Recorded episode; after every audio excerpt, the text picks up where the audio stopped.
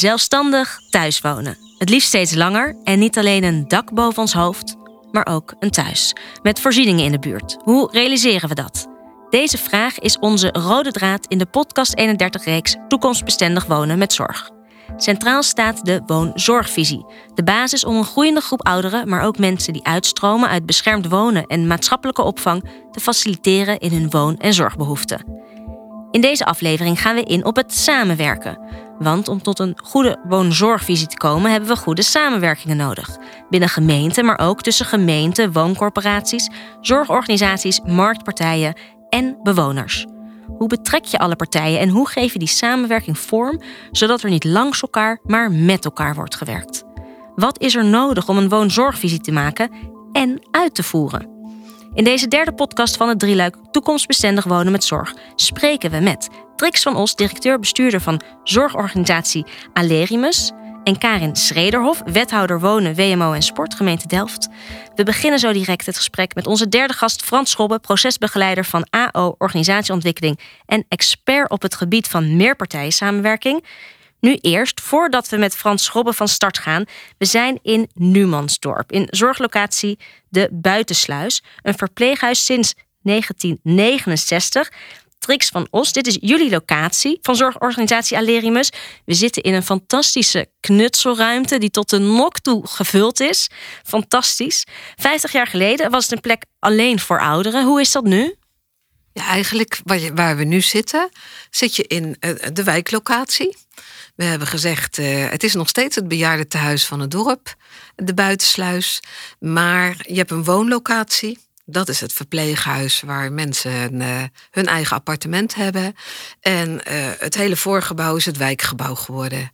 En de oma's, die zijn ook door wijkbewoners. Uh, ja, de oma's, is dat is deze knutselruimte waar we zitten. Voorheen was het de administratie. Ja, nou, dit is wel beter, denk ik. Een hele verbetering. Ja. En ik zag een bibliotheek, enorm veel boeken. Er is een kantine uh, waar nu geluncht wordt. Ja, een huiskamer veel. van de wijk uh, noemen we dat. En campus is er boven, dus werkplekken. En hoe ging zitten. dat, die deuren van het bejaardentehuis openstellen voor het dorp? Ja, eigenlijk je realiseren dat uh, de locatie niet van jou is als zorgorganisatie, maar dat de locatie van oudsher van de, hier van de samenleving is, van Numansdorp. Dus van de inwoners van Numansdorp. Ja, en dat is niet, klinkt niet alleen als een praktische vraag, maar dat besef moet dus bij iedereen indalen. Van iedereen, dit is een plek voor echt voor iedereen. Het is een ander paradigma. En we zijn de laatste twintig jaar in de zorg natuurlijk naar marktwerking gegaan. Dat betekent dat het onze organisatie is wat een bedrijf moet worden waarmee je geld moet verdienen.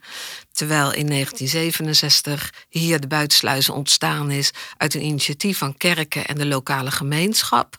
Dus dit, deze locatie is van de lokale gemeenschap. En we moeten natuurlijk zorgen dat we een gezonde bedrijfsvoering hebben. Maar hij hoort ook van de lokale gemeenschap te zijn. En dat is echt anders denken dan dit is mijn bedrijf ja. en uh, hier moeten mensen ja, binnenkomen. Het breder trekken. Dank je, Trix. Ik kom zo bij je terug. Ik wil graag het gesprek over samenwerken om tot een goede woonzorgvisie te komen beginnen met Frans Schrobbe, expert op het gebied van meerpartijen samenwerking. Welkom, Frans. Goed dat je er bent via de telefoon. Is er een blauwdruk waaraan een goede meerpartijen samenwerking zou moeten voldoen? Nou ja, in, op zoek naar die blauwdruk zie je um, eigenlijk um, dat de maatschappelijke opgave waar we tussen organisaties aan werken, de maatschappelijke opgave om wonen met zorg, met welzijn te combineren, dus, dus de maatschappelijke opgave steeds breder definiëren. Alleen dat we die opgave te lijf gaan met organisaties die nog steeds een smal eigen kader hebben. Woonorganisaties, zorgorganisaties, welzijnsorganisaties. En je zou zelfs kunnen zeggen dat die meest actuele, meest ambitieuze maatschappelijke opgaven in een situatie worden gedaan dat we de meest ingewikkelde dingen doen. Um, in een, in een situatie waar we de mensen die daar uh, mee aan de gang moeten, de minste houvast bieden. En wat bedoelen we daarmee als we vanuit de samenwerkingsoptiek kijken? Is dat we binnen organisaties vertrouwde werkprocedures hebben, vertrouwde werkrelaties, duidelijke opvattingen wat we met de organisatie moeten. En dat dat juist nou net de drie dingen zijn die tussen organisaties vaak ontbreken. Want wat we met elkaar willen, moeten we nog met elkaar uitzoeken. Vaak kennen we elkaar nog niet zo goed. Hè. Gemeenten en, en, en woningcorporaties al wat beter, maar zorgorganisaties vaak uh, nog wat minder. Uh, en ook de werkstructuren. Hoe werken we aan, aan die gemeenschappelijke taak?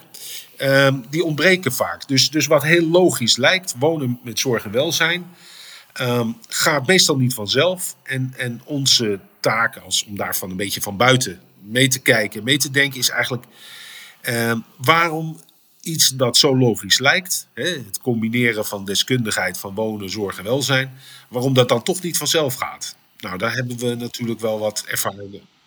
En daar hebben we over nagedacht. Ja, daar heb je over nagedacht. Want hoe, ja, hoe zorg je dan?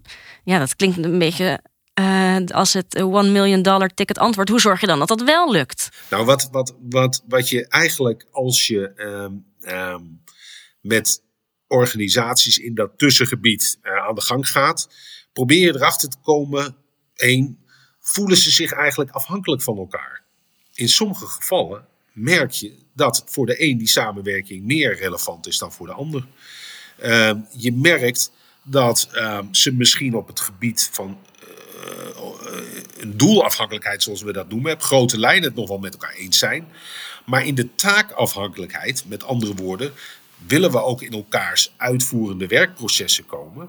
Op het moment dat we met keten aanpakken, uh, aan de gang gaan, multidisciplinaire teams, is het niet alleen maar zo dat we samenwerken op het niveau uh, van een soort taakverdeling op hoofdlijnen. Nee, we gaan in elkaars werkprocessen komen. En daarmee raken we dus ook de kern van professionele identiteit, uh, mensen die een idee hebben over het soort werk wat ze doen, de trots die ze daarover hebben en de bereidheid om met anderen wel of niet uit te zoeken uh, hoe ze zich in hun, de uitvoering van hun werk op elkaar aan gaan passen in al, al dat soort samenwerkingsvormen. En hoe kan je dit, want dit lijkt me een soort valkuilen die, die zijn diep geworteld. Hoe kan je dit van tevoren al onderleggen? Hoe kan je ja, dit een beetje vereffenen, denk je? Uh, nou, eerst om mensen uh, die hun over de grens van die organisatie in dat tussengebied elkaar ontmoeten. Om, om te kijken hoe ze tot nieuwe werksystemen komen. Toch een beetje, je zou, te kunnen, zou kunnen zeggen, bijna te, te troosten met de gedachte. Dat, um, dat een gebied is waar uh, je een hoop dingen met elkaar uitgezocht moeten worden. Er is een soort veronderstelling uh, dat, dat je eenvoudig 1 plus 1 met elkaar optelt. Uh, daar vallen vaak woorden als synergie en win-win. En dat suggereert een soort vanzelfsprekendheid. En um, dus, dus er is vaak de neiging om, om tussen organisaties um, een beetje overvallen te worden door de complexiteit. Wat er voor nodig is om met elkaar aan de gang te komen. En je begint er eigenlijk mee om met elkaar af te vragen: zijn de voorwaarden op orde om tussen ons als organisaties met elkaar aan die taak te gaan werken. En dat zijn al de eenvoudige voorwaarden van hebben we de mensen, de beschikbaarheid van mensen daarvoor? Is er een werkstructuur om met elkaar aan afspraken te werken, aan visieontwikkeling? We, we zien vaak dat tussen organisaties we, uh, uh, mensen elkaar ontmoeten aan wonen, zorg, welzijn tafels, die vaak niet al te stevig op zijn poten staat. Hè, voortdurend met andere mensen worden ehm, ehm, afgevaardigd. Dus, de, dus we beginnen er vaak eenvoudig mee om even met elkaar na te gaan. Zijn de voorwaarden op orde om met elkaar aan deze extra ingewikkelde opgave te werken? Ja, en dus ook ons uh, realiseren dat het, nou, er troost in vinden dat er onzekerheid is. En dat er onzekerheid op, on, op ons pad komt. Voordat ik naar de volgende sprekers ga, wil ik nog graag weten: wat zou je onze luisteraars willen meegeven als het gaat over meerpartijen samenwerking? Misschien twee dingen. Dat, dat je je voor jezelf in je eigen context. Hè, uh, uh, van de zorgorganisatie en de gemeentes afvragen. Hoe, hoe beoordelen we dat in onze situatie? Hebben wij, zijn de voorwaarden in onze lokale samenwerking op orde om met elkaar aan die taak te werken? Dat is één, zijn de voorwaarden op orde. En twee, uh, uh, hoe gaan we op een constructieve manier met onze verschillen om? En wat bedoel ik daarmee? In heel veel samenwerkingsverbanden wordt vooral de overeenkomsten benadrukt. We willen toch allemaal hetzelfde. Maar wat we eigenlijk zien in, in een constructieve samenwerking is dat vooral Uh, we zitten bij elkaar niet omdat we hetzelfde zijn, maar omdat we verschillen. En dat we elkaar waarde willen toevoegen vanuit die verschillen. Dus ik zou als tweede vraag misschien op willen werpen. Uh, gaan wij op een constructieve manier met onze verschillen om? Want dat is de reden waarvoor we bij elkaar zitten. Ja, mooie vraag. Ik ga hem meenemen. Dank je wel, Frans, voor jouw bijdrage. En um, nou ja, wie weet tot een volgende keer. Dank je wel. Dank je wel. Mijn gasten waarmee ik wil bespreken hoe een goede samenwerking ons verder helpt in de woonzorgvisie. Aan tafel Trix van Os en Karin Schrederhof. Trix, directeur-bestuurder van zorgorganisatie Alerimus. Ik wil graag met jou beginnen. Hier in Numansdorp hebben jullie een meerpartijen samenwerking de wijk weten mee te nemen. Hoe is dat gelukt? Nou, eigenlijk al vanaf 2015, eind 2014, toen ik hier uh, aantrad, was er nog een hele kleine gemeente, gemeente Kromstrijen. De burgemeester woonde hier schuin tegenover, de wethouder om de hoek. En ik was, voordat ik hier aantrad, al bezig geweest in Rotterdam met uh, wijkontwikkeling, samenwerking in de wijk. En eh, wethouder en burgemeester zeiden, dat willen we hier ook. Wij kunnen dit samen, want van oudsher is het een prachtig dorp waar met 86 verenigingen, met een harmonie. En alleen iedereen gaat nu wel in zijn eigen hokje zitten. En wat we gedaan hebben is eh, eigenlijk de kiespelers gedetecteerd van wie zijn nou de belangrijkste trekkers in dit dorp. Wie zorgen voor de cohesie. En dan niet vanuit de maatschappelijke partners geredeneerd, maar gewoon letterlijk wie zijn hier de belangrijkste mensen. Zoals in de jaren 30, 40 de bovenmeester, de wijkzuster, eh, de wijkagent, et cetera. En dat is heel interessant, want dan krijg je hele andere partijen dan eh, de corporatie of de gemeente. En eigenlijk moet ik ook meteen denken aan wat Frans net zei, hoe ga je op een constructieve manier met je verschillen om? Weet je, hoe zorg je dat elkaar dat niet bijt? Hoe was dat? Want je zet ineens die mensen dan bij elkaar. Nou, eigenlijk heb ik dat niet gedaan. Ben ik ze op gaan zoeken vanuit het idee. Dus ik zou bij Frans nog één stukje ervoor leggen. Het begint met vertrouwen uitspreken dat uh, je elkaar nodig hebt in een lokale samenleving. En uh, ik heb uitgesproken, wat heb je van ons nodig? Hallo, ik kom hier nu nieuw. En wat heb je van mij nodig? En super interessant, want ik was, uh, de, de wethouder zei, de voetbal, dat is hier de Ajax van de Hoekse Waard. Dus die is heel belangrijk. En de voorzitter van de voetbal zei, maar wat moet ik met de juffrouw van het bejaardentehuis? Dus de, die zag, jij zorgt voor de oudjes en ik zorg voor, uh, voor de jongeren met het voetballen. En als jouw oudjes willen komen kijken, van harte welkom. Maar ik zei, nee, maar we moeten gaan samenwerken, volgens mij, want we hebben met elkaar een heel aantal problemen te delen. En hoe hebben jullie vervolgens het langer thuis wonen? Hoe hebben jullie dat opgezet? Het zijn dus eigenlijk hele kleine stapjes geweest. Want je wint eerst elkaars vertrouwen. En je gaat eerst onderzoeken wat Frans zegt. Van waar ben jij mee bezig? Wat heb jij nodig? Waar loop jij tegenaan? Om van daaruit te zien dat er natuurlijk rode draden zijn.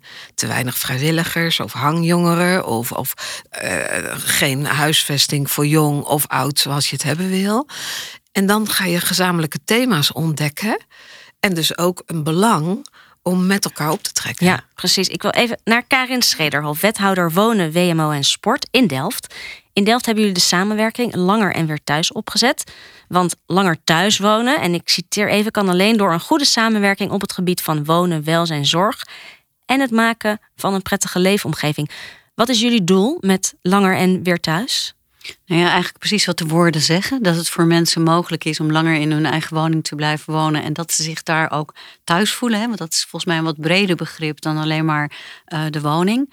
Uh, dat betekent dat in Delft eigenlijk al heel erg lang tussen partijen daarop samengewerkt uh, wordt. Het is natuurlijk ook niet dat je op nul start. Hè. Heel veel complexen van woningbouwverenigingen, uh, wooncomplexen zijn ook al gelabeld voor mensen die wat ouder zijn. Daar is die samenwerking met bijvoorbeeld de WMO ook al, omdat het zo onhandig is om voor elke woning iets te gaan regelen met die scootmobiel. Hè. Dus dat heb je al collectief gedaan.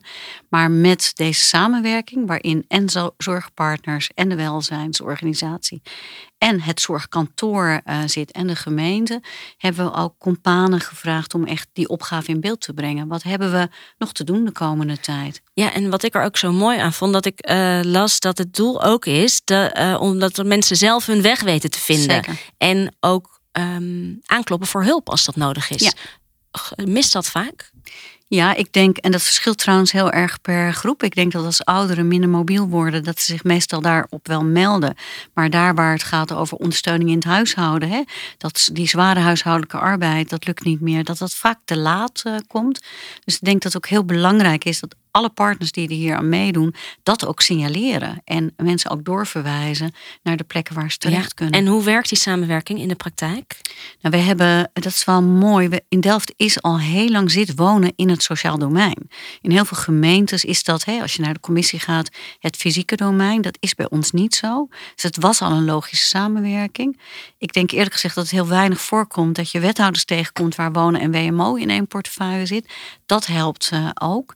En dat betekent dat die samenwerkingsrelatie waar al die partners uh, aanwezig zijn, een hele belangrijke is. En wij financieren het ook met elkaar. En dat helpt wel. Dus we hebben één programmamanager die namens ons allen ook zorgt dat die uitvoering uh, van de kant komt. En helpt dat ook, want ik kan me voorstellen dat in het begin dat een gemeente lang een trekkende rol heeft. Klopt. Is daar dan op een gegeven moment een omslagpunt? Ja, en er zijn eigenlijk twee omslagpunten. Het is van die, van die meer strategische kant naar die tactische operationele kant toe gegaan. Operationeel is vooral ook met de zorgpartners. Die zijn echt aan de slag. Bijvoorbeeld één wilde in een wijk uh, toch een complex starten waar ouderen zelfstandig konden wonen. Die is de zorgpartner gaan opzoeken. Heeft ook mensen geselecteerd die voor elkaar willen zorgen. Dat is één kant. Maar je merkt ook dat onze samenwerking met het zorgkantoor steviger geworden is. Omdat als mensen langer in de in hun eigen huis blijven, dan gaan wij het betalen als gemeente en gaan ze niet naar de wet langdurige zorg. Dus we zijn daar ook heel sterk op bezig van, nou, hoe gaan we dat nou met elkaar doen? Hoe gaan we om met die verschuiving? En als wij dat niet kunnen regelen, laten we het dan ook agenderen bij VWS. Ja. Ja, en jullie beiden zijn jullie bezig ook met de grote thema's van deze en de toekomende tijd vergrijzing, de crisis in de zorg, daarbovenop ook nog eens de woningnood. En uh, cruciaal voor langer thuiswonen is een goede samenwerking op het gebied van wonen, welzijn, zorg en het maken van een prettige leefomgeving. Wanneer is volgens jullie een samenwerking goed? Wanneer, ik vroeg het net ook aan Frans, wanneer denk je, oké, dit loopt en alle partijen voelen zich gezien, mensen vertrouwen elkaar. Wat zijn soort essentiële waarden? Soms zie je het als het project er ook staat. Dat complex wat ik jou eh, noemde, daar, daar wonen gezinnen met kinderen. Grote speelplaatsen erbij. Ouderen zitten ook aan die eh, speelplaats.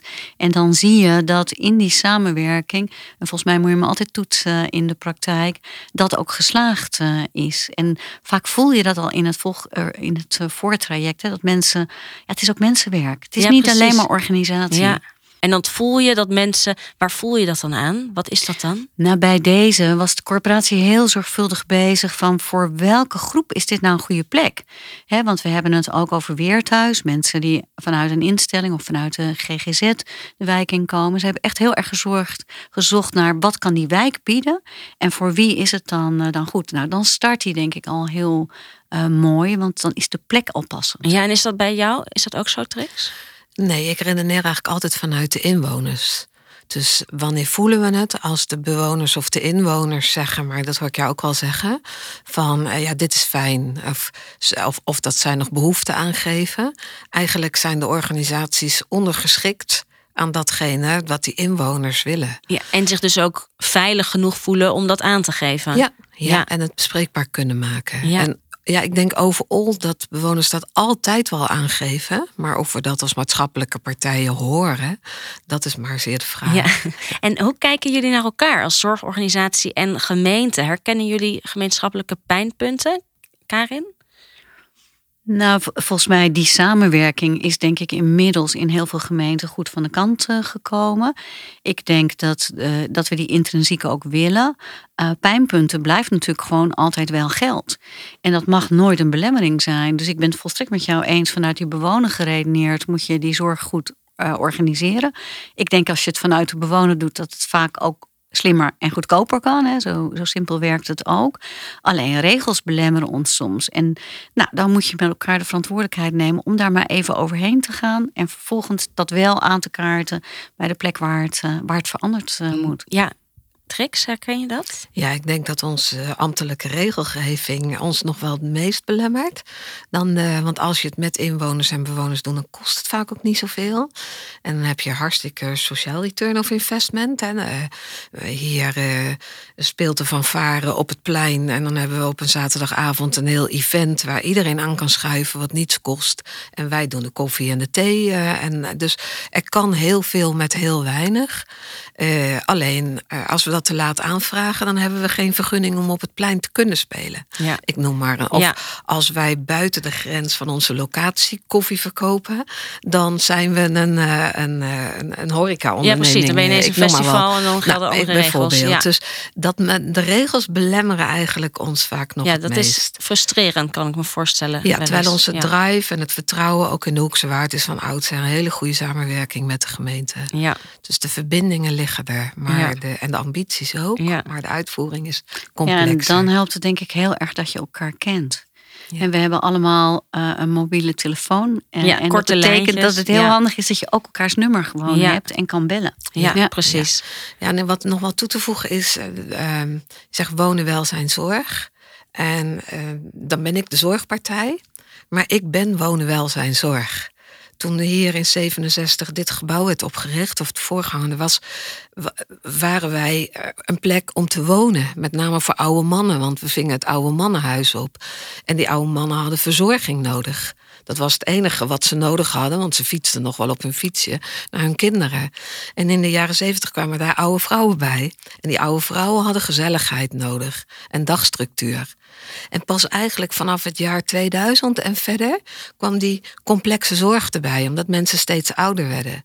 Dus in de basis is mijn organisatie van wonen en welzijn, van welbevinden voor ouderen. En wat je nu vaak als conclusie wordt gezegd: Oh, jullie zijn van de zorg. En hebben het over de professionele complexe zorg. Wij zijn een paar jaar geleden onder verscherpt toezicht gesteld, omdat we nog helemaal niet zo ver waren. Want een, ruim een derde van mijn medewerkers, hier uit de lokale samenleving, kwam met 14, 15 jaar hier werken vanuit een huisartsschool. Dus dat zijn helemaal niet die verpleegkundigen van die professionele zorg.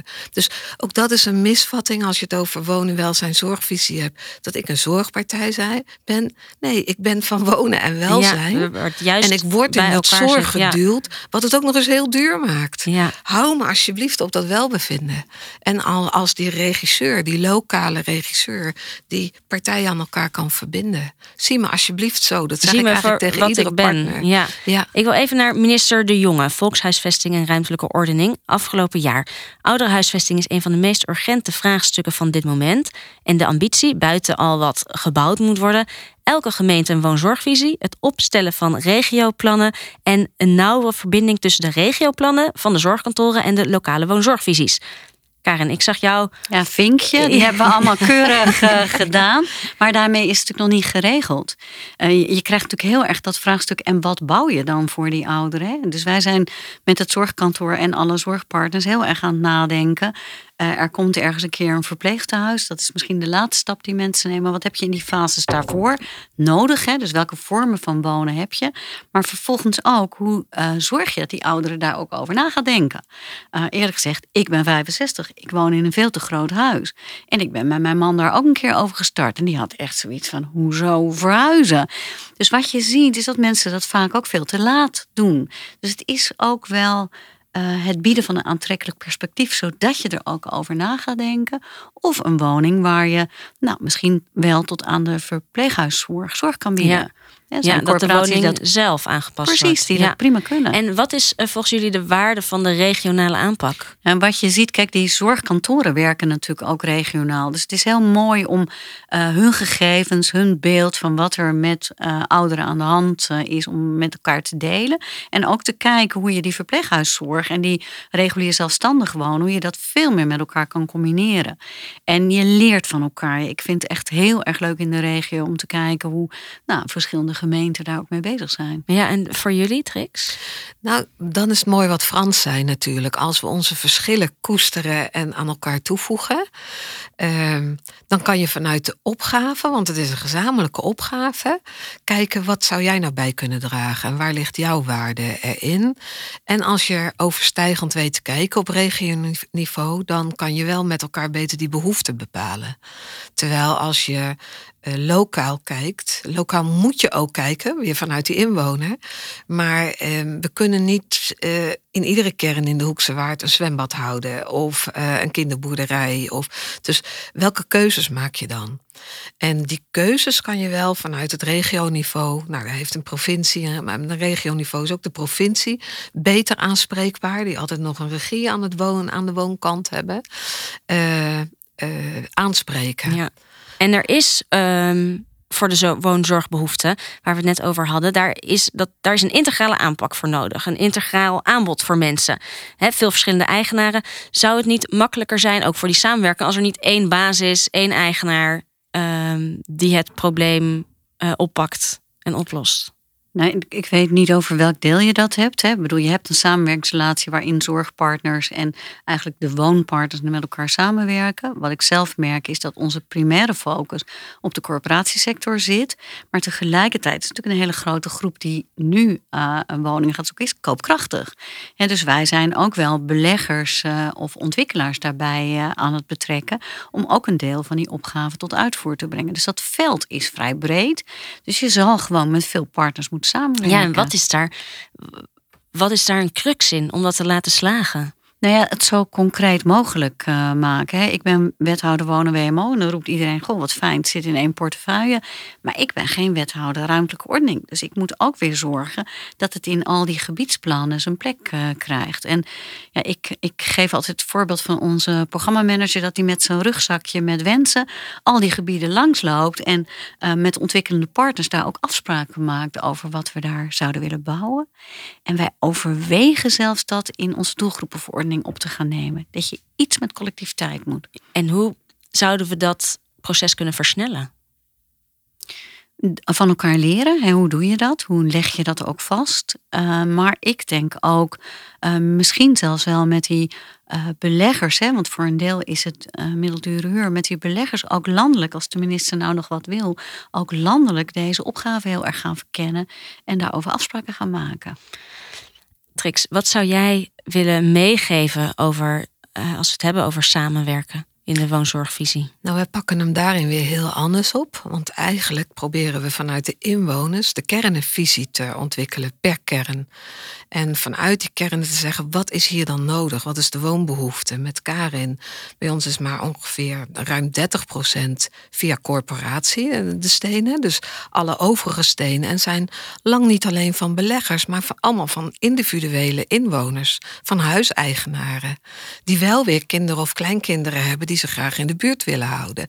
En wat, wat voetbalvereniging ook wil. Dus op het moment dat je juist met die lokale samenleving. Ja, we hebben hier een informeel dorpsberaad gemaakt. Een visie krijgt, maar wat moet er dan hier in Numansdorp gebeuren?